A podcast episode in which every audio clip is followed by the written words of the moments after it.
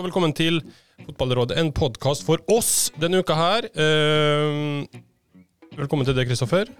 Hvordan går det med Vær så god. Hvordan går det med golfen din?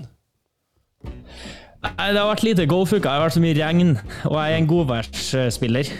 Så jeg har et par runder ut på niholds eh, på Solakstrand her. Og så har jeg da Sebelonsen. Han var jo min, min følgesvenn.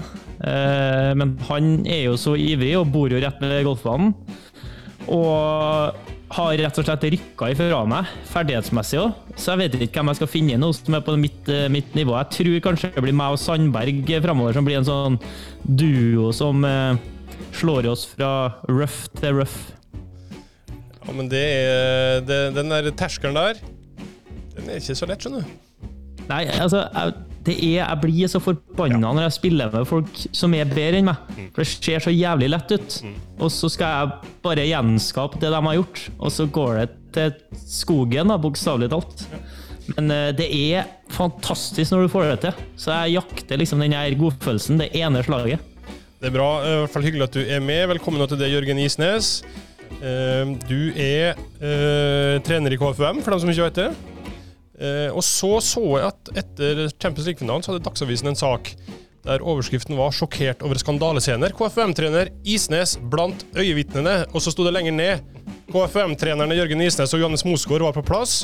De var tidlig inne på stadion og så ikke konfrontasjonen utenfor. Altså, Du må ikke svare på alt når pressen ringer. Her hadde du ingenting å bidra med. Det er ikke jeg som har skrevet saken, det kan jeg si med en gang. Men uh, ja, vi var på Champions League-finalen, men uh, opplevde det veldig det gjorde du. Eh, apropos golf, er ikke Robin Rask helt rå på golf? Helt rå. Eh, og så har han slitt litt med kroppen de siste åra, så eh, jeg tror det har dala litt, grann, men han er den beste sammen med Aron Kilo Olsen. Det, det er det høyt nivå på. Jeg tror han er nede på nesten én i handikap, og da er du liksom sånn da kan du konkurrere i NM. Ja.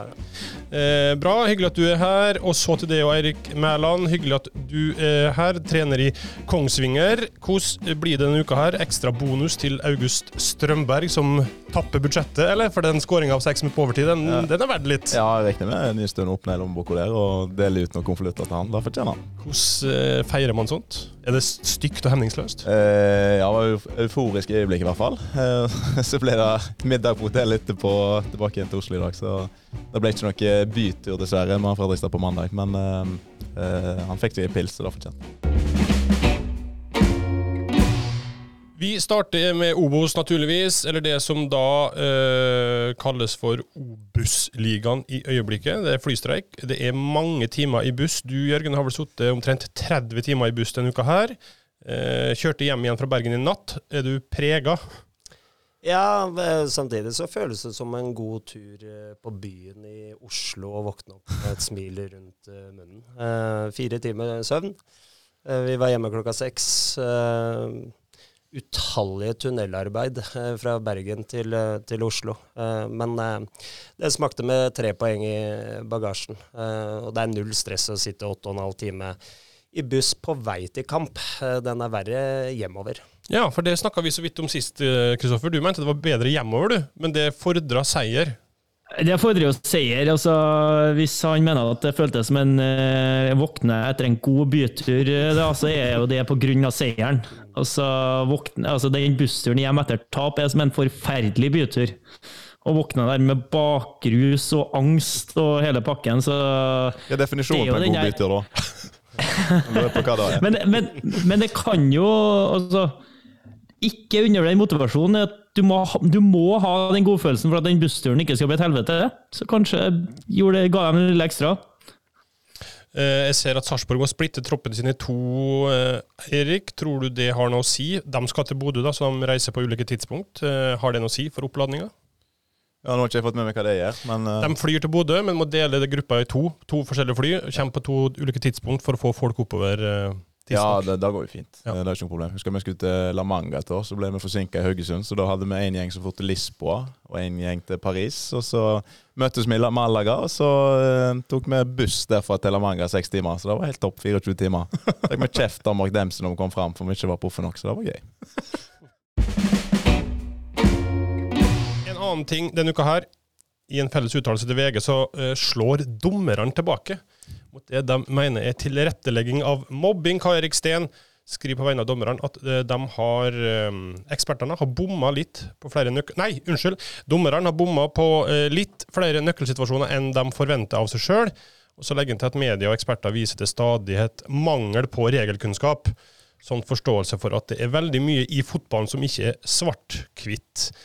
Har dommerne et poeng, Kristoffer? Er fotballekspertene for dårlig pålest på regelverket?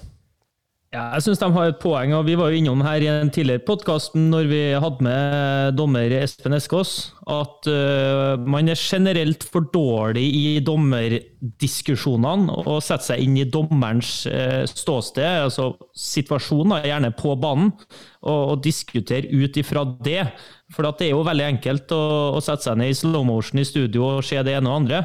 Men hvis du oppå der igjen, da eh, slenge ut påstander eh, med feil grunnlag. Altså at du ikke eh, kan de forskjellige nyansene i, i hands-situasjoner f.eks., eller andre plasser i regelverket, så, så blir jo ikke bra tyngde bak den, det som da fremstår som ren slakt. da.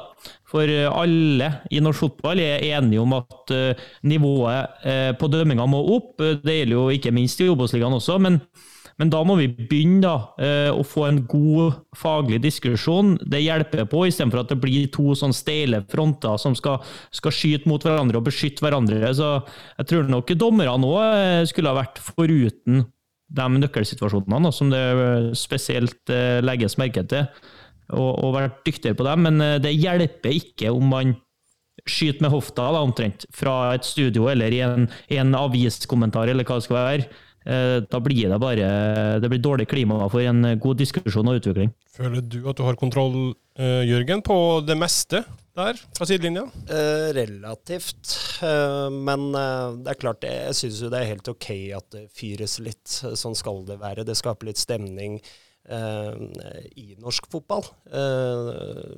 det er min mening. samtidig så er det viktig å se hvem er det diskusjonen er mellom. At det er noen fotballeksperter eh, som eh, melder på dommere, det må man nesten tåle. Jeg ser jo det internasjonalt også, i Sky Sports Studio eh, osv. Så, videre. så mm, jeg er ganske klar på at den diskusjonen må vi tåle. Og så er det viktig at er vi som holder på i bransjen, eh, trenere, spillere osv., tar den faglige diskusjonen eh, med dommerne, eh, sånn at vi er klare på hva vi har å gå etter. Hva tenker du, Eirik, eh, hvis det er en eller annen offside eller en eller annen eh, takling med eh, forsett eller ikke?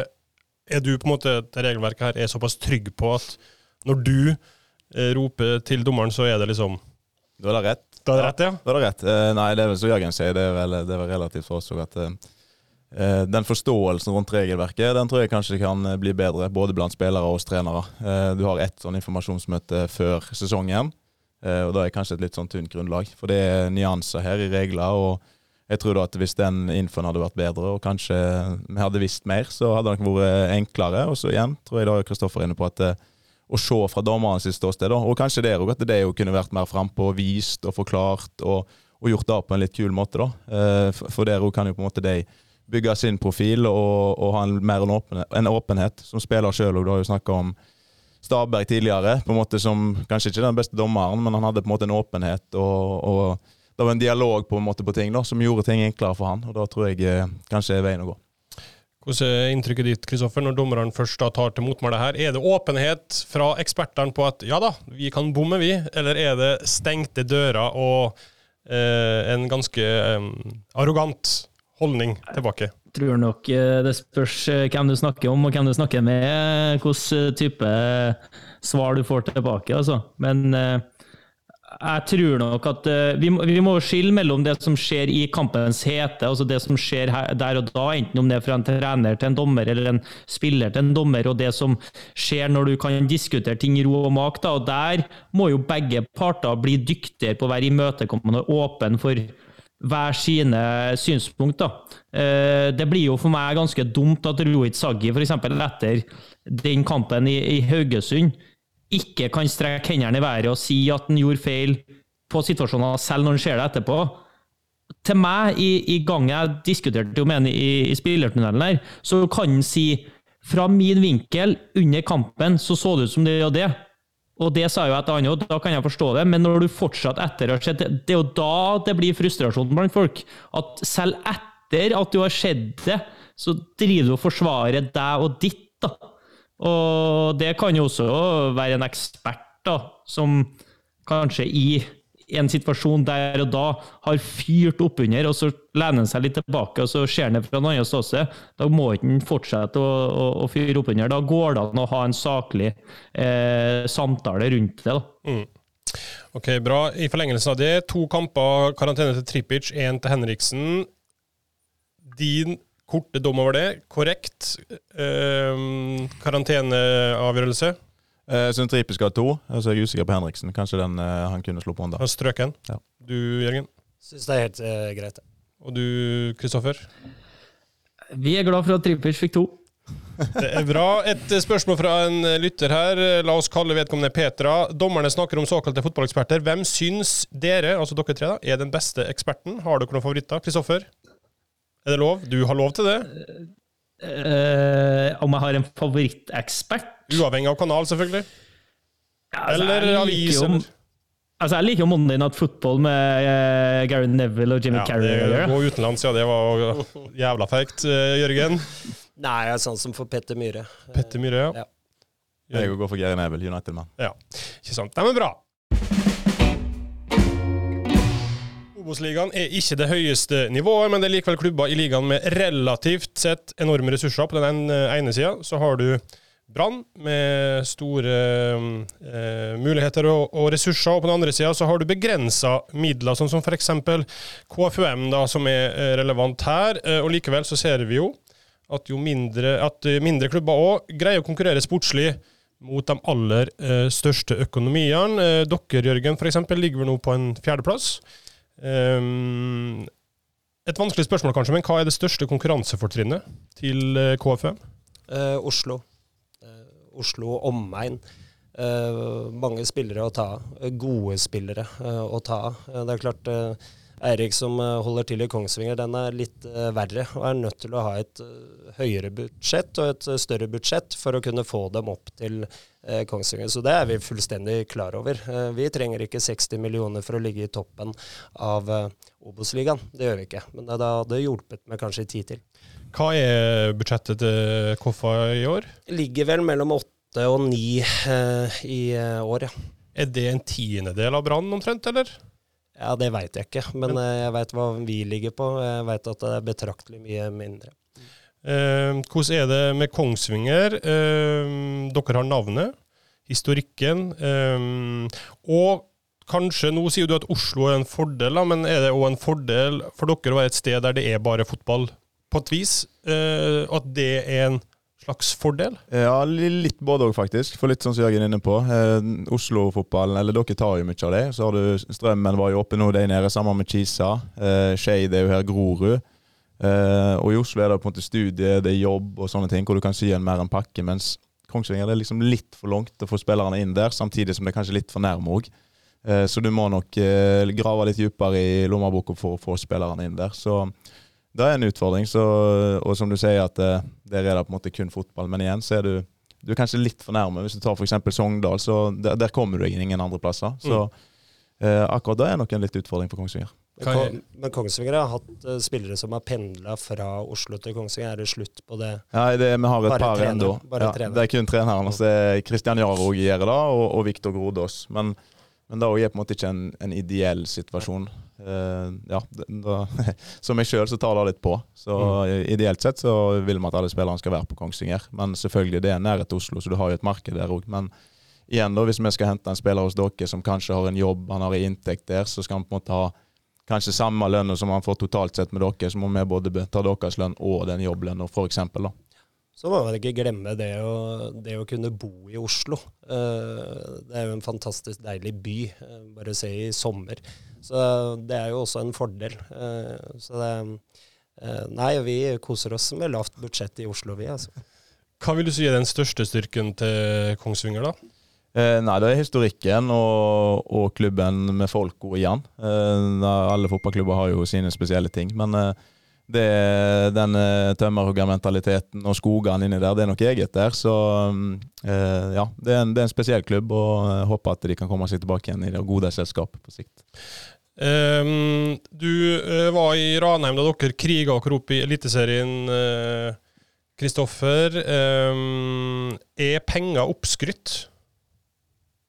Ja, hvis du, feil, hvis du, bruker en feil, så jobber de jo mot sin hensikt. Altså, Hvis du ikke evner å forvalte de ressursene du har, så blir det en hemsko for utviklinga til, til, til, klubben din. Og spesielt med tanke på kulturen innad i en garderobe. Eh, den kan rives i stykker av, av penger. Så det er en kjempefordel å ha ressurser hvis du forvalter dem riktig, men hvis du, sånn som eh, Isnes og co. har gjort i KFM over flere sesonger. Vi må ikke glemme at de har eh, på en måte boksa over sin vektklasse i, i flere år nå, og, og har evna å nå stabilisert seg egentlig som et topplag eh, der. Så, så det er så forsterkende. altså Når du klarer å gjøre det uten de her pengene som et eh, lokkemiddel eller virkemiddel, så, så den drivkraften blir så sterk etter hvert. da. Og da er det også sånn at uh, spillere som kanskje lete leter etter en klubb å utvikle seg i og, og ta det neste steget i, som, som, evner å forstå at ok, hvis jeg har valget mellom å hoppe til én plass der jeg kan tjene 40 000 i måneden, eller skal jeg gå til KFUM der jeg må tjene mindre, jeg må kanskje jobbe litt med, ved siden av, men jeg har mulighet til å ta steget derfra igjen etterpå, og så tjene 80 000-90 000 i måneden så har de da gjennom sin måte å drive på, sin måte å, å spille fotball på, gjerne også fremstå på, eh, lokker dem til seg spillere. F.eks. vil jeg tro at i en sak som at de må få låne Filip de Laveris fra Brann, eh, er jo med tanke på at han tror at det er en plass han kan utvikle seg i. og jeg tror ikke du skaper sånne plasser der, der det tjenes eh, for mye penger, og det, det er for enkelt å, å være en sånn du er jo nesten proff, kan være, da, i enkelte klubber.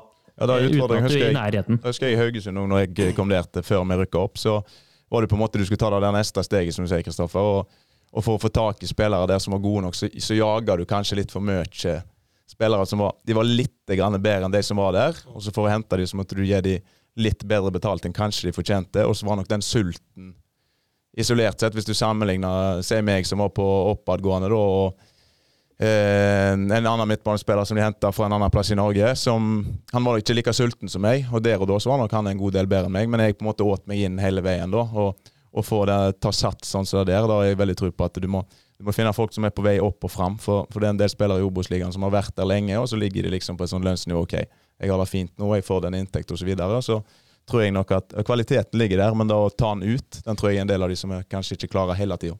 Vi har henta spillere fra annendivisjon og, og, og tredjedivisjon eh, de siste åra. Eh, også selvfølgelig en eh, Philip Delaviere som er henta eh, på lån. Jeg syns jo det er for få spillere som tør å gjøre akkurat det Philip gjør, med den, med den eh, historien han har eh, fra, fra, Nederland, fra Odd, og, og, så til Bergen og Brann. og tør å dra opp til litt stusslig Ekeberg med de fasilitetene som er der.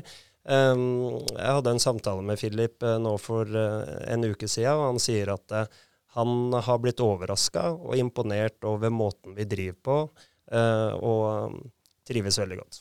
Så det er jo et godt tegn. Så jeg skulle ønske det var flere som tør å ta det valget, når de kjenner at det begynner å låse seg litt. Kristoffer er jo inne på at dere på en måte kriger over vektklassen. Opplever dere det sånn sjøl, eh, at dere gjør det, eller er dere på det nivået du forventer at dere eh, skal være på? Eh, vi forventer at vi skal ligge topp seks i år, mye pga. som Kristoffer var inne på også, at vi har ligget der de siste åra. Vi stoler på spillelogistikken vi holder på med. Vi ser hva vi har av spillere. Vi vet at vi har en klubb som støtter oss i det vi holder på med. Eh, det er også en trygghet. Eh, KFM er godt administrert. Eh, og det er ikke alle Obos-ligaklubber som har det sånn, og det ser vi jo flere tilfeller de siste ukene. Så nei, vi forventer at vi skal ligge topp seks. Så er kanskje noen overraska over det. Vi er ikke det. Eh, du er inne på spillelogistikk. Eh, det er jo alltids interessant. Hvordan jobber dere konkret på Ekeberg med det? Hva er på en måte, Har dere eh, hjelp fra noen, eller hvordan funker det? Daniel Fredheim Holm er jo en ja, Han er ikke sportssjef, men han er, har ansvar for spillelogistikk sammen med trenerteamet. Vi ser veldig mye fotball. Vi starter i Oslo-området, Oslo omegn og ser om det finnes spillere innenfor det som vil passe inn i KFM og uh, måten vi driver på, og hva vi er ute etter av uh, type kvaliteter. Um, og så forlenger vi søket litt, hvis vi ser at den spilleren ikke finnes uh, i Oslo og omegn. Så det gjøres en god jobb av Daniel, og så gjøres det en veldig god jobb også i, i trenerteamet. Hvor viktig er det å ha kontakter som på en måte det ringer en trener. Du, han uh, får ikke tillit her i Eliteserien. Kan det være noe for dere? Er det ja, selvfølgelig. Vi har Daniel som har vært med lenge i gamet. Vi har Johannes Mosgaard som har vært eh, tolv år i Vålinga. Jeg sjøl har jo vært en breddespiller, så det finnes mye bra kontakter og nettverk nedover i breddefotballen også. stygt å kalle Post Nord-ligaen breddefotball, for det er jo ikke det i utgangspunktet. men I Post Nord og til og med tredjedivisjon så finnes det gode spillere som kan bli uh, fine Obos-ligaspillere, og også eliteseriespillere. Eh, ringer du sjøl av og til til dine kontakter, eller er det Nystuen som tar seg av alt? Eller for man må jo prøve å finne noe eh, smutthull her som store klubber ikke ja, ser. Vi har jo litt samme modell som Jørgen inn på. Det er jo Espen som har hånd om det. Og så bruker vi hele trenerteamet. og Eh, vi har Johan Wenberg som assistenten min, som er svensk, og han har jo på en måte kontakter på den sida. Eh, og sammen med meg òg, inn mot eh, FKH og Vestlandet og den biten der. Og så er det jo stort sett i østlandsområdet vi òg er på en måte og reiser og ser kamper. da, som er, Det går jo litt på økonomi og selvfølgelig logistikk. Så veldig likt. Og, men det er viktig å prate med folk og, og bli kjent med typene og hva, eh, hvordan de er utenfor banen og på trening osv. Så, videre. så mm, det er viktig så er det et voldsomt uh, nettverk av agenter da, som tar uh, kontakt. Og i Oslo-fotballen så er det jo haugevis uh, som har annendivisjon- og tredjedivisjonsspillere som kontakter oss. Stort sett så er det vi som tar kontakt og får spillere mm. både på trening og, og til KFM. Men vi lytter. Vi gjør det. Et annet, et annet, aspekt her er jo rett og slett fasiliteter. dere skal bytte kunstgress i sommer, og må da spille et par kamper Jessheim eller Hamar eller hvor det nå blir hen. Uh, hvor, uh, hvordan er fasilitetene deres, og hvor mye har man mye henger man bak f.eks. Brann på sånt? Uh, ja, Brann er jo en helt annen liga, så det er en sånn spesiell case. Men jeg tror jo uh, Jørgen skal ha nytt anlegg. Jeg vet ikke helt når det har blitt avklart, men det er vel på trappene, forhåpentligvis. Ja, spaden i jorda blir vel satt i løpet av året. Ja. Uh, men det har vi sagt de tre siste årene. men det er på tide, ja. ja. Det og, det, og, det, tror jeg òg litt som vi snakker om med Kongsvinger og historikken og den biten der. og Hjemslund har jo mye gode minner som ligger der, og en ærverdig stadion. Men den er utdatert, og jeg tror at på en måte nøkkel for Kongsvinger, hvis en skal ta det neste steg og, og opp og kjempe om å være en topp 20-klubb i, i, Norge, som er visjonen, og som jeg mener en er veldig nære, egentlig. Men skal en på en måte stabilisere seg og komme seg opp i Eliteserien og bli et eliteserielag igjen, så tror jeg at eh, fasilitet er viktig, og et nytt stadion er eh, Jeg tror de må ha det. Eh, og da går igjen på f.eks. spillerlogistikk. Eh, kommer spillere til oss og Sandnes f.eks., så tror jeg at eh, det er enklere å reise til, eh, til Sandnes f.eks., eller Forsøkende campus. Så du konkurrerer mot klubber som du er jevnstor med, hvis du kanskje ser på noen iallfall økonomiske ting. Men, men da med anlegg, da er det viktig. Hvordan er fasilitetene i Viking? Det er jo en litt annen verden, men uh, jeg vil jo tro at det er ganske topp sammenlignet med f.eks. Uh, Man skyter jo litt sånn i blinde her, da, men med uh, hvordan det har vært i Sandefjord, eller altså Men en ting der, det er ikke, og, og det trenger ikke være så veldig stort heller. Hvis du ser sånn som på Mjøndalen sitt uh, på konsto der. Eh, det er én etasje. Eh, du har treningsrom, du har et mm. fysiorom, du har en garderobe, du kan ete i lag, og du kan være tett på hverandre. Eh, det er jo da på en måte som er, er det viktige her. og Det er ikke da at du skal bygge en Sør Arena eller Røkkeløkka. Åsane sin. Ja, vi var der, i, var der, i, går. Fantastisk anlegg som de riktignok har fått, men helt nydelig. Ja. Og akkurat det anlegget burde stått på Ekeberg nå også. Men der. Og da får du ting samla. Du kan gå i gymmen før trening, etter trening. Eh, du kan ha mat, restitusjon, eh, fysio, alle de tingene der. Det gjør at du blir mer profesjonalisert, og du, du driver bedre i hverdagen. Ja, for Da kan jeg heller omformulere Kristoffer. Hva for det som spiller da, er gode fasiliteter, og fasiliteter som du trenger eller setter pris på? Jeg kjenner meg veldig igjen i den diskusjonen her, da, for det var eh, en viktig del av at vi med Ranheim tok det neste steget, og også at spillere i Ranheim tok det neste steget. Eh, fordi at vi hadde en gammel, eh, slitt tribune som omtrent var, sto der på, på stylter, og, og, du hadde ikke noe annet enn bare noen plastikkseter, som du så her. Du kjørte inn i og kom inn til en, en garderobe som ikke, ikke, hadde noe annet enn, enn slitte dusjer og, og, det setet du skulle sitte på. Og så fikk vi den nye tribunen med treningssenter i, bare den forskjellen på at du hadde treningssenteret i samme bygg som garderoben din, kontra at uh, i første årene så måtte du kjøre noen kilometer bort for å fære på impuls. Det gjør at den ene spilleren som kanskje mangler det for å ta det neste steget, faktisk setter seg i garderoben, skifter om, drar inn, tar den 20-minutteren for å forberede seg til økt, kommer inn i garderoben og er på et annet nivå når økta starter enn ville ha vært. Spesielt da i en klubb der du måtte jobbe eller studere ved siden av. Så det trenger ikke å være noe hokus pokus, men å få alt samla, det tror jeg er det desidert viktigste. Og så merker du litt ja, etter hvert, da, når du, når du kommer deg inn i det, hvilke behov har vi? Eh, det handler ikke om å lete etter luksus, men tilrettelegging og optimalisering eh, for utvikling av individet. Det, det er meget viktig. Og når du i tillegg da, vi fikk satt vårt preg på garderoben eh, Vi var jo med å bygge den sjøl, og, og, det ble på en måte vårt hjem. da. Og Der styrka vi et samhold og en kultur som var, var helt avgjørende, samtidig som vi fikk treningsfasiliteter som var jeg vet hvor mye mer trenger du. Da, da leter du på et detaljnivå som blir feil ende, spør du meg. da. I hvert fall hvis du, hvis du kommer fra lite, så må du ikke tenke at du skal gape over så voldsomt med en gang. Du må ta det neste lille steget. Og, og til oss her så er det jo ja, det er fantastisk. Vi har Vikingklinikken som er tilknytta, som, eh, som, hele tida på jakt etter det nyeste utstyret, og nå skal utvide med ekstra lokaler og sånn, men eh, det, det, blir smør på flesk. da. Vi er heldige fra før, så vi, vi har alt vi trenger, så ingenting å klage på. Vi har tidligere i Fotballåret snakka om spilltrender. 3-5-2, 3-4-3. Nye tanker, eh, yngre trenere. Hvordan eh, fotballen endrer seg og utvikler seg. Fasit i 99 er kanskje utdatert i 2022. Eh, din fotballfilosofi, Jørgen, hvordan vil du oppsummere den? oppsummere, altså den er stadig i utvikling, i hvert fall. Både for min egen del og for KFM sin del. KFM sin spillestil eh, var jo veldig satt når jeg kom inn. Um, Uh, og så fikk jeg muligheter til å utvikle den litt videre. Uh, det har vært en ballbesittende spillestil. Uh, det har jeg vært opptatt av sjøl også, selv om jeg spilte på et gampelag innimellom i Lørenskog. Men ballbesittende, men retningsbestemt. det er ikke tikki taka. mange har jo snakka om KFM som tikki taka, og det er jo til og med et banneord i Barcelona. Det er jo en, et mål om å kunne få muligheter for gjennombrudd. Eh, så KFM har blitt mer retningsbestemt de siste årene. Ikke bare pga. av formasjon, men også fokus på det. Ehm, så jeg liker en spillestil som er retningsbestemt når den skal være det. Ehm, det skal være en dominerende spillestil.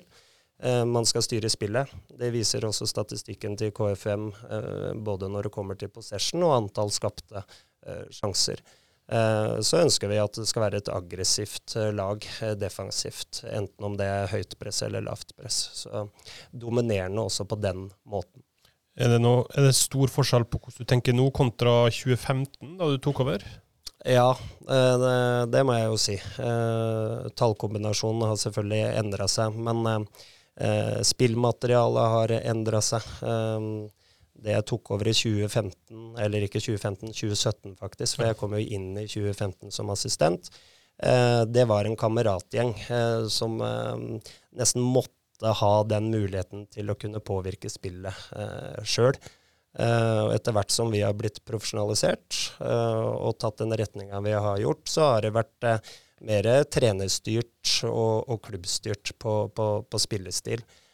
selv om det var det også på den tida. Eh, så Eh, det er store endringer, fordi vi håndterer de ulike spillfasene enda, enda bedre enn det vi gjorde i, i, i 2017. Eh, bedre på kontringer, bedre på dødball. Og KFM var veldig gode i etablert angrep i 2017. Eh, Kjenner du det igjen i det Jørgen sier her? Eirik, har du noe annen tilnærming, eller hvordan er det for din del? Uh, nei, jeg kjenner meg jo veldig igjen. Og så er jo Jørgen en, uh, begynner å bli en rutinert herremann etter hvert. Jeg er jo helt i, i startfasen på, på, min trenerkarriere. Så jeg kjenner meg jo veldig igjen i at ting er dynamisk. Uh, og når jeg begynte, på en måte, jeg gikk jo rett fra spiller til å være trener, og jeg visste ikke helt hva jeg gikk til. og jeg tror Som ung trener så er det veldig lett å være opptatt av få faser, som du sier. spesielt da med etablert angrepsspill. Han har lyst til å ha ballen. og han er kanskje litt for opptatt av det, men som du sier, da med gjenvinningsspill, kontringsspill, ikke minst dødballer i Obos-ligaen, som er ekstremt viktig til å avgjøre kampene. Eh, da å, lære til seg til de tingene der, og ha tanker om eh, alle delene. For som spiller òg, så er du kanskje opptatt av noe. sant? Kristoffer eh, er god på én ting som han er opptatt av, og så er jeg som spiller jeg er opptatt av eh, og slå i bakrom, for det er jeg god på. Eh, men, men, som trener så må du ha på en måte svar på alt i hermetegn, eller iallfall ha tenkt gjennom mange ting. og, og der har jeg vært i en ekstrem sånn bratt læringskurve helt fra dag én, og er i det ennå. Det er på en måte ting som oppstår både i kamper og på trening som Oi, fader, dette har vi ikke tenkt på. Så det er ekstremt dynamisk, og eh, det er ekstremt lærerikt og ekstremt interessant. Og ekstremt vanskelig.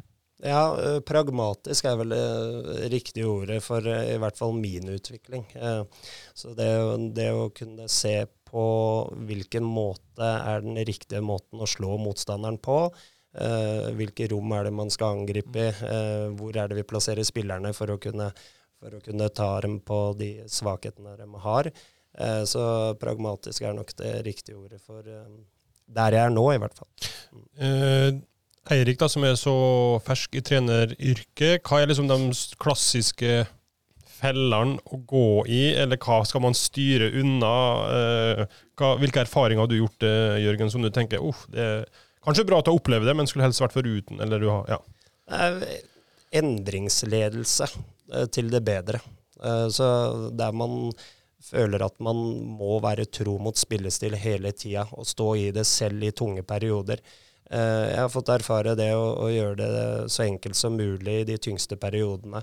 Uh, og det har snudd hver eneste gang. Det er veldig fascinerende. Uh, og så spør man seg sjøl at man ikke finner ut det tidligere.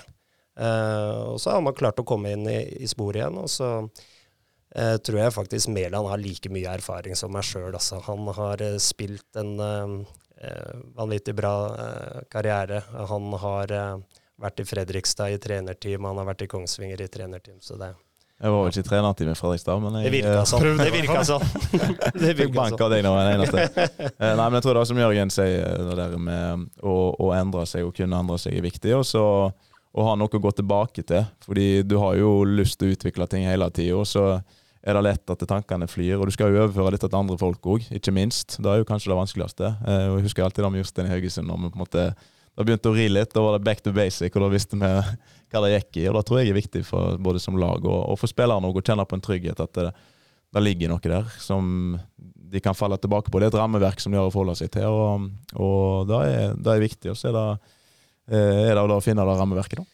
Ja, og Endringsledelse er så mangt. og Det kan være å gå tilbake, men det kan også være inn mot trenden i fotballen. Hvor er det, hvor er det, det faktisk utviklinga går hen.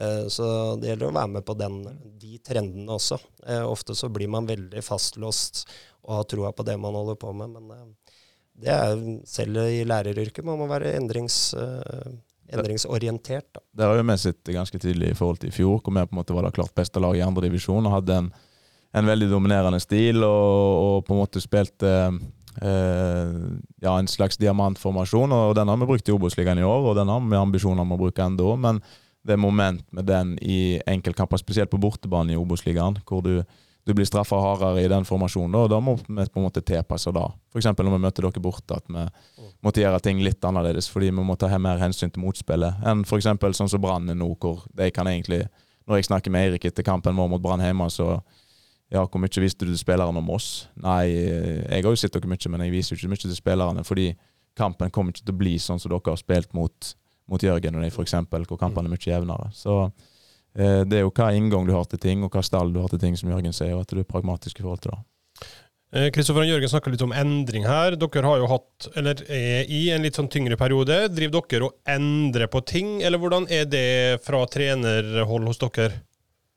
Nei, jeg synes Det er veldig interessant, da, for at akkurat den trenerduoen vi har òg, er jo relativt fersk. Altså, De var med Bjarne som assistenter, og Jørgen har vel eh, gått uh, kurs sammen med Bjarte, så, så vidt jeg kjenner til. Og, og har vel noen gode diskusjoner der. Men så de òg står egentlig i sin første første skikkelige motgangsperiode. Altså, det var tøft i fjor når vi starta.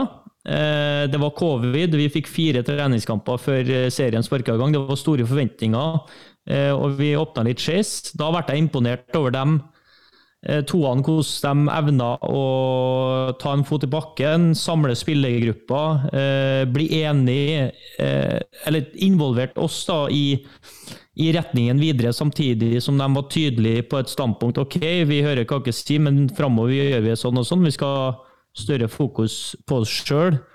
Eh, og vi skal fokusere på dem altså Prøve å smale inn fokuset litt, da, for i medgangstida så vil du gjerne utvikle. Du vil gjerne ok, nå sitter dette her, det flyter omtrent av seg sjøl. Hvordan kan vi nå begynne, selv om vi vinner, ta det neste steget? Eh, så nå òg har vi jo snakka en del om at ok, eh, vi kan ikke bli best på alt. Altså, vi kan ikke gape over alt på en gang nå. Så da har vi eh, forenkla, du kan kalle det å forenkle, eh, men vi vil også se på det som et smalere fokus. da, Og kanskje ha eh, spisse litt tankene inn mot enkelte faser av spillet som man ønsker å forbedre, og gjennom å forbedre dem ønsker å forbedre eh, resultatene i, i, neste fase. Da. Og at når man da f.eks. setter seg ned og analyserer en kamp, så kan man analysere en kamp på utallige vis, og man kan se en fotballkamp på så mange forskjellige måter, men da handler det om å holde hodet kaldt og tørre å ha det, det smale fokuset, og faktisk, selv om du går på et tap, evne å finne forbedringspunkter i de fasene av spillet som du har blitt enige om sammen, og klar også Du må jo overbevise spillergruppa di om det samme. Da, vet du. Det er det som gjerne er vanskelig, der du som trenerteam eh, jobber mot noe, så har du tvilere i gruppa, og så går ikke den veien første gang. Du går kanskje ikke den veien i neste kamp heller. Hvordan klarer du å stå i det og male på? Du må vinne det, til. Det syns jeg er interessant i den perioden vi kommer inn i nå, om hvordan det, det, går med dem, da, for de er ferske gamet. Men vi har to ydmyke, lærevillige som er veldig fine fin å jobbe med. Men det det, det er nytt for dem òg. Hvor ofte, ja. Hvor ofte blir spillergruppa brukt, eh, er det lov å spørre om det? Altså i, i, i den prosessen der? Eh, vi, vi har altså Diskusjonene inn til oss de går eh, ganske ofte, og i et eh, evalueringsmøte etter kamp så, så flyter ordet ganske fint i garderoben. Men da er det gjerne sånn at man kan ikke ha allmøte dag etter dag etter dag og samle inn alles eh, stemmer. Så når man dem da har skal vi si, plukka opp inntrykkene og meningene rundt omkring, så anerkjenner jeg det. Eh, og, men så prøve å samle det til noe konkret. da. For det er jo det, det, det flyter jo over av, av meninger innad i en spillergruppe. og så kan, Du kan jo ikke høre på alle, da blir det jo verken fugl eller fisk. Så du må på en måte anerkjenne og høre det, sånn som de gjør. Men så til syvende og sist så er deres vei som, som skal være tydelig nok. og, og vi skal, vi skal følge, da. Men eh, de er veldig involverende, dem også. Så har jo jeg en rolle der jeg personlig føler meg veldig involvert. Da, og det, jeg tar jo ansvar for det sjøl og involverer meg sjøl, så det, det, er kanskje ikke alle som kjenner på det. Men uh, eh, de som engasjerer seg og melder seg på, de blir hørt og sett. Og så er det jo viktig at uh, de f.eks. sier 'jeg hører hva du sier, men til oss så gjør vi sånn og sånn', og sånn. For du kan gå utallige retninger i utviklinga av et fotballag. Um, helt uh, konkret, bare, vi kan prøve å holde det her litt kort, uh, Eirik. Men hva var kampplan, kampplanen, eller nøklene i kampplanen deres mot Bryne, f.eks.? Et litt annet type lag enn man Ja. Ja, som du sier, det er et av de mest ekstreme lagene i Obos-ligaen. Med tanke på dødballer og ekstremt direkte. Eh, og så visste vi på Jæren òg at der er det vind, og det er en del sånne ting som må ta hensyn til. Jeg er jo født og oppvokst i vind sjøl, så jeg vet jo hva det går i. Eh, men nøkkelen for oss var jo rett og slett å håndtere dødballene deres, og ikke la de få slippe til nok der. Eh, ha kontroll på det. og det er jo kjedelig svar, men andreballspillet, selvfølgelig. Eh, og få kontroll der. Og så tørre å spille når vi hadde muligheten. Og så være tighte defensivt, rett og slett. Så jeg følte vi egentlig lykkes veldig bra i, i første omgang. Og vi fikk også muligheten å kontre på, på dødballen deres. Det var en av planene våre. Vi får se en svakhet der. For det, det, er et lag som ikke er så glad i å løpe. Eh, så det var et aspekt. Eh, og så var det ganske kort tid. Vi spilte jo mandag-torsdag, så vi hadde egentlig bare én dag på å forberede spillerne. Så vi gjorde det egentlig ganske enkelt. Hvor øh, Dere fikk en skade på Bjørneby. Endra det noe? Uh, nei, for han og Harald er ganske like, så det var egentlig litt sånn hipp som happ hvem av de som starta kampen. Så Harald kom inn og gjorde en meget god jobb, så det var Det gjorde ingenting. Uh, så fikk dere et eh, straffespark. Hvorfor var det ikke Adam Gyven som tok det? Uh, for Adam Gyven er altfor snill, så når Mathias Bringerke kom med dådyrøynene sine der og spurte om kan jeg være så, kan jeg være så snill å få ta det, Adam, vær så snill, så sa Adam Gyven ja. ja. Det var ikke trenerstyrt. Nei, det, det på lista vår så sto det at Adam Gyven, Gyven skulle ta det. Eh, så fikk dere et rødt kort, Egil Johnsen. Hva, eh, hvor, eh, hva, gjør man da? Hva endrer seg da? Eh, nei, vi hadde jo på en måte ingenting å tape. Eh, så vi visste jo at vi måtte tørre å angripe og tørre å holde ball i laget, eh, selv om vi var en mann mindre. så da syns jeg vi klarte på en god måte. Og så visste jeg at dødballer kom til å bli viktig der òg, så vi klarte å skaffe noen av det. Så skåret vi her på en til slutt, da. Men jeg tenkte jo når det røde kortet kom, på at ok, det er nå vi bomma straffespark og får rødt kort, og kan vi jo bare pakke sammen her og reise hjem. Men eh, August ville annerledes. Men du gjorde ingen bytter da, eller liksom du endra ikke noe særlig på oppsettet, eller? Eh? Jo, vi flytta inn Ludvig, og så la vi om til 4-3-2. For å få eh, Ja, vi måtte gå med to spisser for mm. å få satt trøkk på de, sånn at Adam ikke ble alene der. Mm. Ok, eh, bra. Eh, vi skal ta et par spørsmål her òg, men eh, Jørgen, dine ambisjoner, hvor høy er dem? For din karriere? Det er høyere. Det er det. Det her minner meg om det her, Vent litt, Kristoffer. Det her minner meg om Robin Rask i går. Han ja. var intervjua i Fotball direkte. Der de uh, fikk spørsmål om hvordan man skulle liksom, uh, spille mot Åsane. Og da sa han helt konkret vi skal spille vårt eget spill. Ja vel. Det er så lite konkret som du får det. Men det er sånn, ja, jeg har kjempehøye ambisjoner. Robin eh, skulle teipes, så han hadde dårlig tid. Så han var kort, i Eh, det var ikke derfor jeg var kort, eh, det var ikke derfor jeg var kort nå. Altså. Nei, Men du vil ikke være noe mer konkret enn det? Nei, altså jeg har jo lyst til å trene på det høyest mulige nivået man kan trene på. Ja. Og så hadde jeg muligheten i, i fjor, og takka nei til det. Og det har litt med eh, hva man har vært med på eh, de, de, siste åra, og hvilke planer man var med å, å lage. Eh, og når man først kommer inn i de planene og kan gjennomføre de, så er det veldig fint å være med på det. Og mm. For meg så er det like verdifullt som å være eliteserietrener på det tidspunktet. Vi har et spørsmål fra en anonym lytter som spør er Jørgen Isnes så Oslo-kjær at det ødelegger for karrieren hans. Parentes, svaret er ja fra denne lytteren. Hvem er som har stilt det spørsmålet? Nei, Det kan vi ta etterpå. Ja, nei, eh, nei, eh, jeg er flyttbar, jeg. Jeg er jo eh, singel og bor i, bor i, Oslo, så jeg kan flytte når som helst. Så det har ikke noe med det å gjøre, selv om jeg er glad i vennene mine og, og familie. Uh, du har jo gitt beskjed til Kongsvinger Eirik at du ikke blir med etter årets sesong. Espen Nesse lurer på hva er veien videre for Eirik Mæland? Uh, nei, ut har jeg planer om å være i Kongsvinger, så har jeg ikke noen plan etter det. Så får vi se. Jeg har fortsatt eller Det betyr ikke at jeg uh, skal gi opp trenerkarriere eller noe med det å gjøre. Fortsatt uh, veldig ambisiøs. Og så fikk jeg jo spørsmål med Espen om jeg ville være med videre.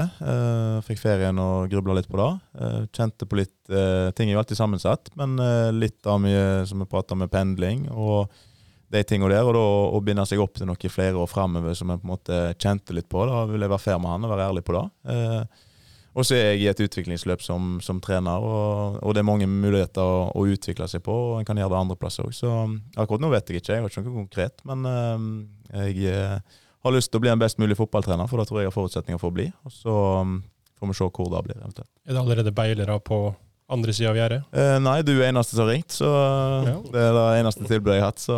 Og det er ikke et dårlig tilbud? Nei, det var et et tilbud som var for godt å si nei til, Absolutt. så um, da gikk jeg på. Eh, bra. Jeg vet ikke om du skulle si noe, Kristoffer. Hvis jeg først slipper det til, så blir du aldri ferdig. Så Nei, da, da blir jeg lang, den diskusjonen etterpå, tror jeg. Ja, blir det, akkurat, ja. ruller- videre. Det får Eh, bli det etter vi ja, bra det. Eh, Hvem tror dere tar den andre opprykksplassen, forresten? Eh, Stabæk, tror jeg. KFØ. Er friskt ja, Hvis han, hvis han derre gift Gift fortsetter utviklinga, så blir han jo livsfarlig. Da blir jo han å bøtte inn mål på det Stabæk-laget, ja. Sånn ut. Så du ikke Mosenjai i Så går, det da? er det akkurat det man mangler.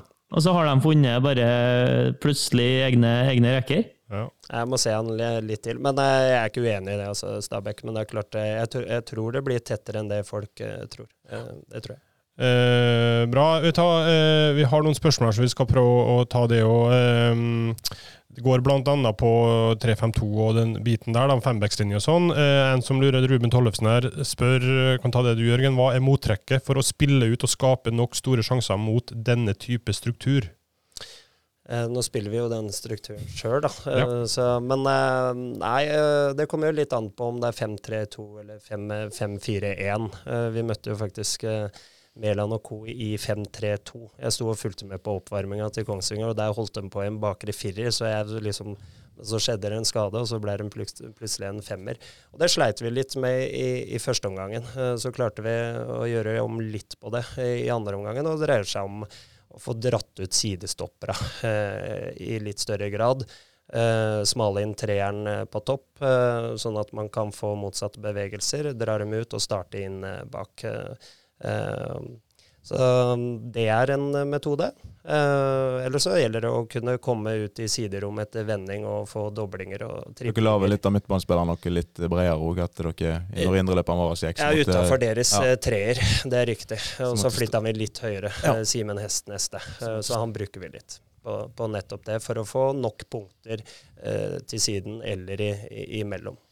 Eh, Le Krog lurer på, eh, Eirik, nå vet ikke om du har blitt en del av det enda, eller kommet skikkelig inn i det, men han lurer på hvordan det trenerkollegiet fungerer på toppnivå. Det, har man møter? Har man liksom årlige Er det en sorority, det her, eller er det noe hemmelig Ikke orden? Nei, ikke- ikke som jeg er blitt en av meg, i hvert fall. Så får jeg høre om Jørgen. Nei, jeg tror nok det går på kjennskap og vennskap, og så treffer en hverandre i ulike sammenhenger, og så blir en på en måte kjent. Og som med alle kollegaer eller jobber, så noen har en god kjemi med, og noen eh, har en mindre kjemi med. Så, Mm. ja, så sånn som Sindre Kjelmeland, for eksempel, er jo en, en kompis av meg fra videregående, som, vi snakker jo mye i lag, og har på en måte gjort i siden siden videregående. Så det er på en måte en naturlig link. Og så er det noen som jeg og treffer Jørgen av og til, som er nå blitt bedre kjent, uten at vi snakker sammen daglig. Men det er jo sånn det foregår.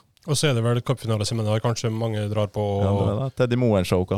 Ja, det er kurs og, sånn hvor man eh, treffes. Så det, det er ikke alltid kursinnholdet er sånn at du, du sitter og jubler. Det er mer de folka man kanskje, kanskje treffer. Så det, eh, som f.eks. Bjarte Lunde Årsheim.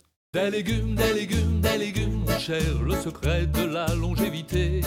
Des légumes, des légumes.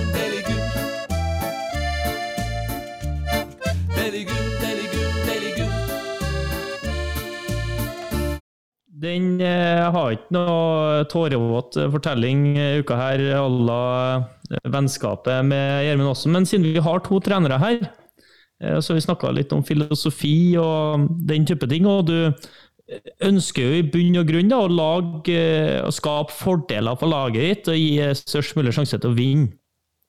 Og da har vi jo, eh, som kjent i tidligere podkaster, vår eminente kiropraktor. Eh, Når man ligger på benken til han eh, på Vikingklinikken, så har han eh, de herligste spørsmål. Kan jeg hete? Og det har, han heter Tarald Sørenes.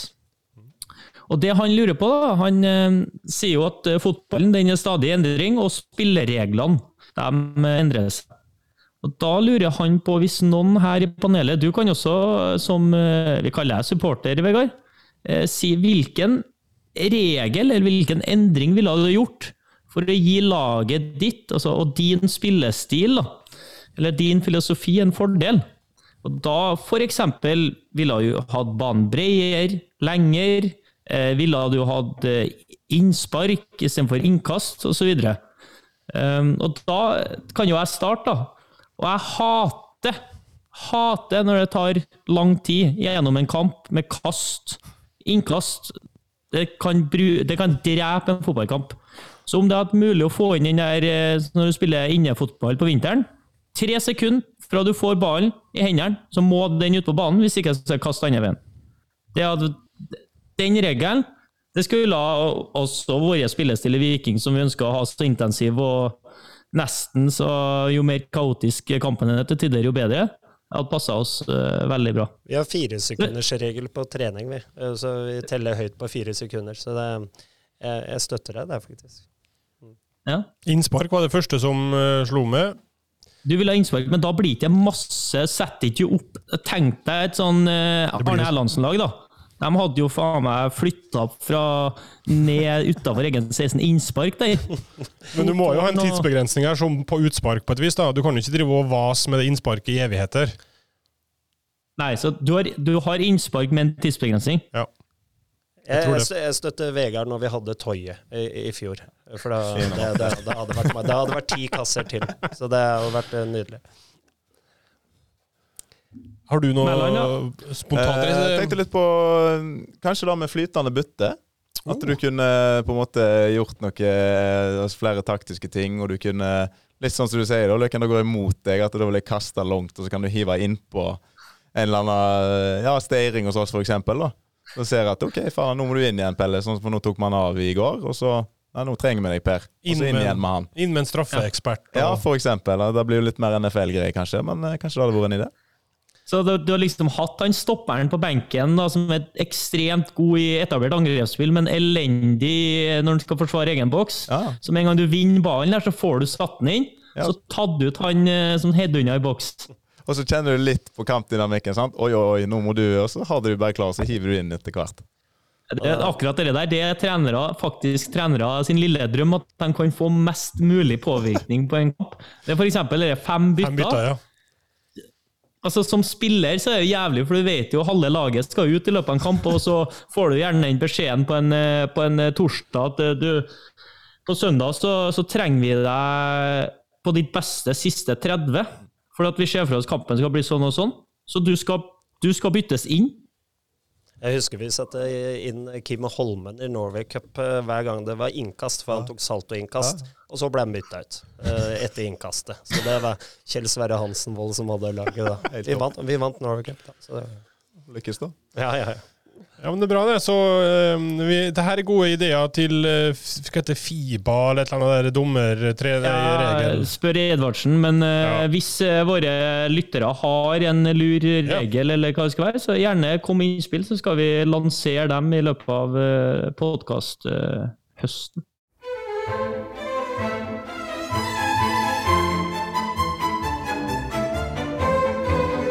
Fotballrådets bra eller dritt. Vi må innom bra eller dritspalta. Uh, har dere ikke hørt henne, så skjønner du det etter første dilemma her. Kristoffer, du skal få det første. Uh, karantene. Første karantene etter fire gule kort. Bra eller drit? Drit. For det Hvor mange kort? Det tenkte jeg å få fire gule på 25 kamper, så må du stå over kamp nummer 26. Og så er det en veldig viktig kamp på slutten av sesongen. da. Så Det må gå an å gradere det litt, tenker jeg, sånn som de gjør i England. At uh, etter halvspilt så utvides grensa. Da. Jeg skjønner hvis du klasker på deg fire gule i løpet av de seks første, så kanskje du fortjener en tur på, på sida, men det, jeg syns det er litt lite da, over en lang sesong. Kan man da finne en sånn som man I VM så blir vel strøket etter gruppespill eller kvart eller et eller annet. At man, du får et gulkort, men hvis du greier å holde unna gulkort i de neste fem-seks et eller annet kampene, så blir det strøket det første òg, så du på en måte hele tida kan Men er ikke den i England fin? Er ikke det halvspilt der? Og så Jeg tror det. er det fem, og så går det opp til ti etter halvspilt? Champions League har vel også det Ja. når, når de er i Ja. semifinalen. Så er det hatt fire, da, så halvspilt, så går det opp til åtte, for eksempel. Så, Så en eller annen ordning der man kan på en måte få strøket, eller ja. Støtter Kristoffer der. ja. Eh, bra, Eirik. Bruken av analyse eh, i pauser til spillere. Altså at du bruker det, noe av det som har skjedd fra første omgangen, på videoanalyse. det kan være både dritt og bra. Det kan være veldig dritt hvis du bommer fullstendig, og så kan det være veldig bra hvis du treffer. Fordi det er virkningsfullt, eller? Ja, fordi du kan visualisere ting til dem, og du ser på en måte ja, eh, hele banen. Du kan vise dem her er det rom eksempel. Og så er det jo veldig enkelt å ta én situasjon, da, og så har det skjedd én gang, og så se her, bla, bla, bla, så skjer det ikke igjen. Men eh, jo, jeg eh, som min gamle sjef Per-Mathias Høgmo, eh, jeg er innovativ, og jeg sier bra. Bruker du noe særlig i det, Jørgen, eller er du Ikke ennå. Det kan jo hende vi også kommer inn i, i den stimen der. Jeg er veldig opptatt av individer. Du må kjenne spillergruppa. Så er det noen som har veldig behov for det, så, så er det veldig fint å kunne, kunne vise det. Og du kan jo drite deg fullstendig ut på det òg, så det er jo det som er balansegangen. da. Du kan ende om å bruke hele pausen, og så Ja. sitter det en tre-fire mann der som Ja, skjønner omtrent ikke, skjø ikke skjønner hva du snakker om engang. Og så har du gjerne prøv, Du prøver å få ut et budskap, og så står de og klør seg i hodet idet dommeren har blåst i fløyta, og så blir det bare virvar. Så det, vi jo bruker jo det, men det er ofte sånn at eh, Pål Fjelde da, og Ole Martin Nesselquist, som er ansvarlig for den delen, de går gjerne rundt med iPaden til enkeltindivid istedenfor å kjøre det i stor skala. For at det, det er kanskje isolerte, mer isolerte, faste situasjoner. Ja. Eh, bra, ok, Jørgen, jeg har en mistanke om hva dette er hva det ender med, men eh, Jørgen Klopp, bra eller dritt? Det er ikke noe å lure på. altså. Og hvorfor er han bra? Nei, det, det er jo et eller annet med å se når han kom inn i Liverpool, og hvordan Liverpool forandra seg. Han tok hele byen, ikke bare klubben. Uh, og det sier noe om personen Jürgen Klopp, Uh, og også de prestasjonene de har hatt de siste åra. Uh, så er det ikke bare Klopp, men det trenerteamet han har satt sammen. Så det der er teamarbeid, men også en medmenneskelighet som har på en måte smitta hele byen Liverpool. Eh, hvor mye er du bevisst på din egen person utover selve trenerjobben på et vis? Det å være en, både en selger, men også en som på en måte skal være, binde klubben sammen og noe av det viktigste. Eh, hvis man skal ha resultater over tid, eh, i en klubb som KFM, men eh, alle andre klubber også, så er det eh, for meg noe av det viktigste. eh, Jeg satt faktisk på ferja.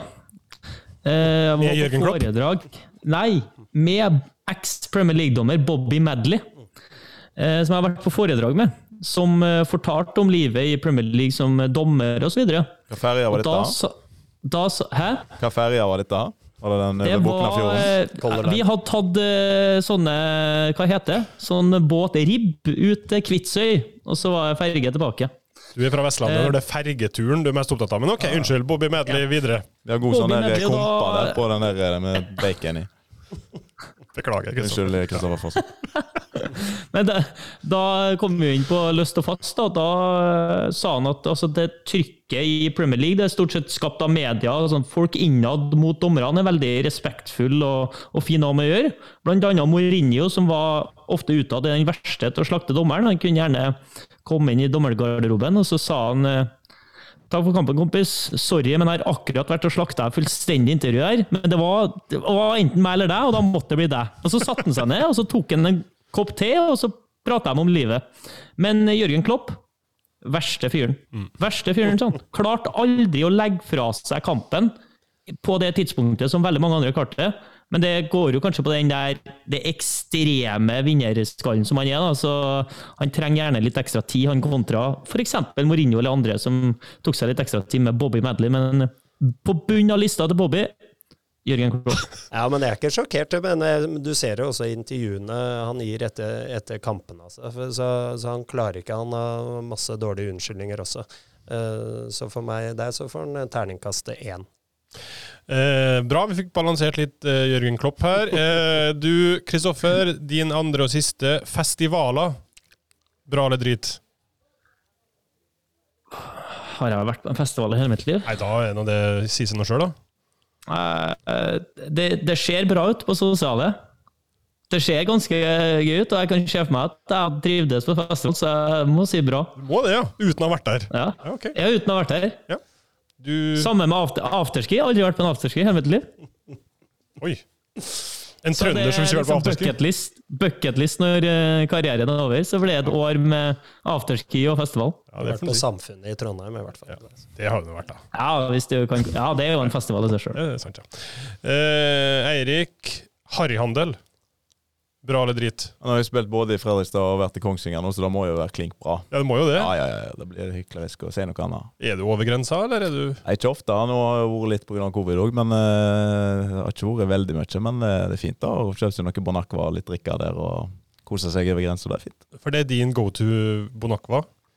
Ja, jeg prøver å unngå å drikke så mye brus. Mm. Så da går jeg på Bonacqua, Den er fin. Eh, Blå. Ja, jeg tenkte på hvis du først skal harryhandle. Hva er da liksom Er for min del eh, vaskepulver. Ja, du, Svære sånne ti kilo. Ja, ja. Ja. Stemmer da. Uh, nei, det er mest drikkevare Ja. sånn uh, uten alkohol, faktisk. Okay. Men det er kjekt på Systembolaget òg. Ok, uh, Jørgen, din andre og Dette her er jo litt i samme gate som det første. Eh, Jesus. Bra eller dritt? Jeg kommer faktisk fra en familie med religiøst tilsnitt, som jeg kaller det. Eh, Men det er ikke derfor jeg er i KFM, men jeg får vel si uh, bra. Bra. Eller så blir jeg vel nagla fast oppe på Ekenberg. Da er du på korset på Ekeberg. Ironisk. Ja. Nei, du må, hvis du skal være inne med profeteren, så må du vel uh, ha litt hjerte for Eh, Jeg betegner meg ikke sjøl som religiøs, ja. men eh, jeg støtter folk som liker å ha han øverst på lista si. eh, Vi bruker å si det sånn at det ikke er han det er noe gærent med, det er dem som eh, forkynner det. Det er oftest det er noe gærent med. Eh, Kan hende. Ok, vi tar eh, et par eh, lyttespørsmål til. Eh, altså, det, her, er- det står anonym, men det er Petter Bø Tosterud som har spurt. Hvilken trener klager mest i Obos-ligaen? Nå så vi Kevin Knappen ryke på rødkort mot dere i går. eh. Jeg tror Kevin Knappen er godt lei av meg. Vi, var vi hadde jo noen tøffe kamper mot uh, Hødd i fjor om han, så eh, jeg må si Kevin. Han, eh, han kjører på. Men jeg skjønner jo at han var forbanna i går. Mm. For det var jo helt Vi hadde jo akkurat samme på rett før pause der. Når de skåra 1-0, så hadde vi en nettlik situasjon hvor vi skulle hatt frispark til Adem eh, i forkant der. Så da var faktisk Nystuen fin. eh, Da sto han og freste i, eh, i pausen der, og så på overtid Og så ser jeg bak meg, da står han og sparker i grusen bare er klart og skal inn og høvle over dommeren. Og så skårer vi på overtid og så når jeg er på vei inn i garderoben, og ser jeg bare Espen går sånn fint eh, innover, og så bare Ole, takk for kampen, da! Bra dømt! så det var lette steget.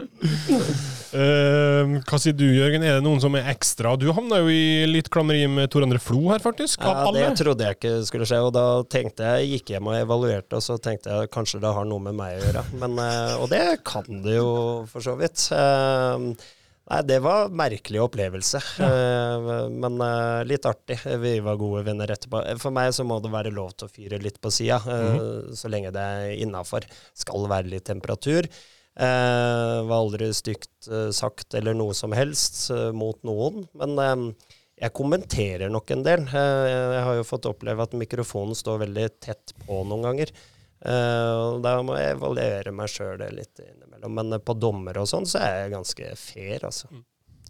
Eh, ok. Men eh, knappen er nok en eh, oh ja. Vi, vi er enige om knappen? Ja, han er, han er på lista mi. Ja, ok.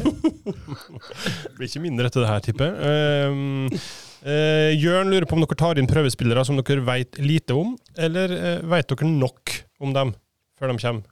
Du kan Eh, vi veit nok, eh, stort sett. Og så er det Kommer litt an på hvilket nivå man skal hente fra. Eh, Er det tredjedivisjonsspillere f.eks. som vi har henta fra, så har vi dem ofte på hospitering over tid.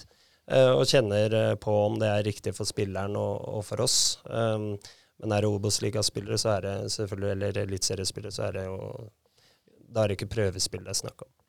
Er det mye prøvespillere på Kongsvinger, eller prøver man å unngå det, eller? Nei, det har vært litt variert, men det har jo litt, vært litt begrensninger nå pga. Mm. Uh, korona. Så eh, vi hadde to afrikanske gutter oss nå tidligere i vår. Eh, og det er jo litt sånn da med nettverk og, og startup, da, så vi, vi visste ikke så mye om det når de kom, men det var litt for å kjenne litt på nivået og de, og de referansene som de agentene eller de kontaktene hadde. Mm. Jonas Rygg Rygg Vi, men vi, må, vi har jo Latif. Vi har jo Latif på trening nå, fra Mobilephone FC i, i Ghana. Nivå 2 Ghana. Uh, gutten er 19 år og har aldri vært i Europa før. Og eh, vi har jo, altså det krever jo litt å, eksempel, å ta vare på afrikanere. Eh, han eh, bor jo da rett borti gata her, sammen med Mai Traore.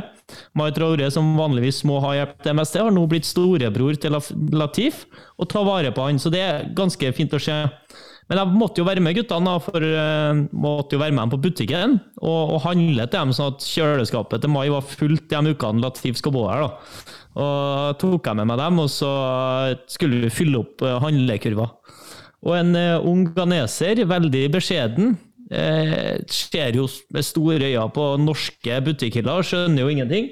Jeg kjenner jo ikke igjen noe, eh, men jeg sier jo til Latif bare Klubben betaler og passer på dere. Bare legg opp i alt du har lyst på. Dette går bra. Han, han legger opp i to ting. Det ene, en boks med Nutella. Nummer to, en pakke Kafébakeriet cookies. Så det, det var det han kjente igjen at dette liker jeg. Det var noe sjokolade og noe søtt. Have Men, fun, go eh, wild. Det er spennende med prøvespillere. Du kan få alt. Eh, Et siste, eller ja, et siste, nest siste spørsmål kanskje. Jonas Rygg spør om uh, Jørgen tør å ta keepertrener Mikke i hendene mens han har keeperhansker på. Og det spørsmålet her må forklares. Nei, Jonas Rygg har jo hatt uh, Mikki som uh, keepertrener i Strømmen. Uh, altså, han er en legende, uh, Mikki. Eh, han er 62 år. Han har ikke keeperhansker. og han har heller ikke fotballsko. Så det er mer vernesko og votter.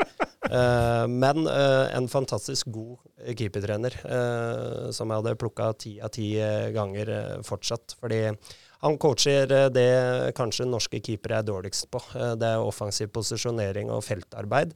Eh, og der har keeperne våre tatt store steg. Også Knut André Skjærstein, som nå er reservekeeper i, i, i Lillestrøm. Så jeg vet ikke hva, om det var det han refererte til. Men hadde det vært keeperhanskene til Mikke, så hadde jeg vært litt usikker på å ta han i hendene etterpå. Bra. Og så helt til slutt der, Henrik Hove, du slipper ikke unna. Når tar Jørgen Isnes over Vålerenga? Hvem skulle svare på det? Det, var- det var Jørgen Isnes. Eller kanskje Eirik har lyst til å svare på det? det de har I løpet av tre år. I løpet av tre år. Hva sier du, Kristoffer? Nei eh, 15. august 2022. Oi, oi, oi, oi. Nei. Nei da, han uh, Fagermo sitter godt ennå, men eh, Hørte du ikke at Jørgen Jørgen skal rykke opp med KFUM i år, så ja, da, da kan det bli action på, på Valle neste år med Koffa mot uh, Vålerenga i et uh, par kamper. Da svetter de godt der, altså på Intility, hvis uh, Koffa skal ta steget opp og virkelig begynne å plage dem. Det, men det tror jeg de har hatt litt godt av. Men uh, det får de finne ut av sjøl. Bra, det. Ok, vi skal til å runde av. Du er vel i Stavanger i helga, eller drar du til Åråsen, Kristoffer? Nei, jeg fikk én kamp. Det var én kamp bare, ja. Fikk ikke to. Så der. bli en tur til Åråsen for å møte årets eh, seriemestere. Det blir jo spennende å se om Stokstad får gullfest i september eller oktober. Vi reiser jo dit for å utsette den til oktober, i hvert fall. Ja. Men eh, tenk deg Tass og Stokstad i, med oktoberfest gange seriegull der. Gange Det bistro. blir, å, det blir stygt. Vi vil utsette det så lenge som mulig. Eh, Fredrikstad for Kongsvinger, gamle kjente. Ja, det gleder jeg meg til. Ja. Eh, hva tror du? Hva, hva ser du for det?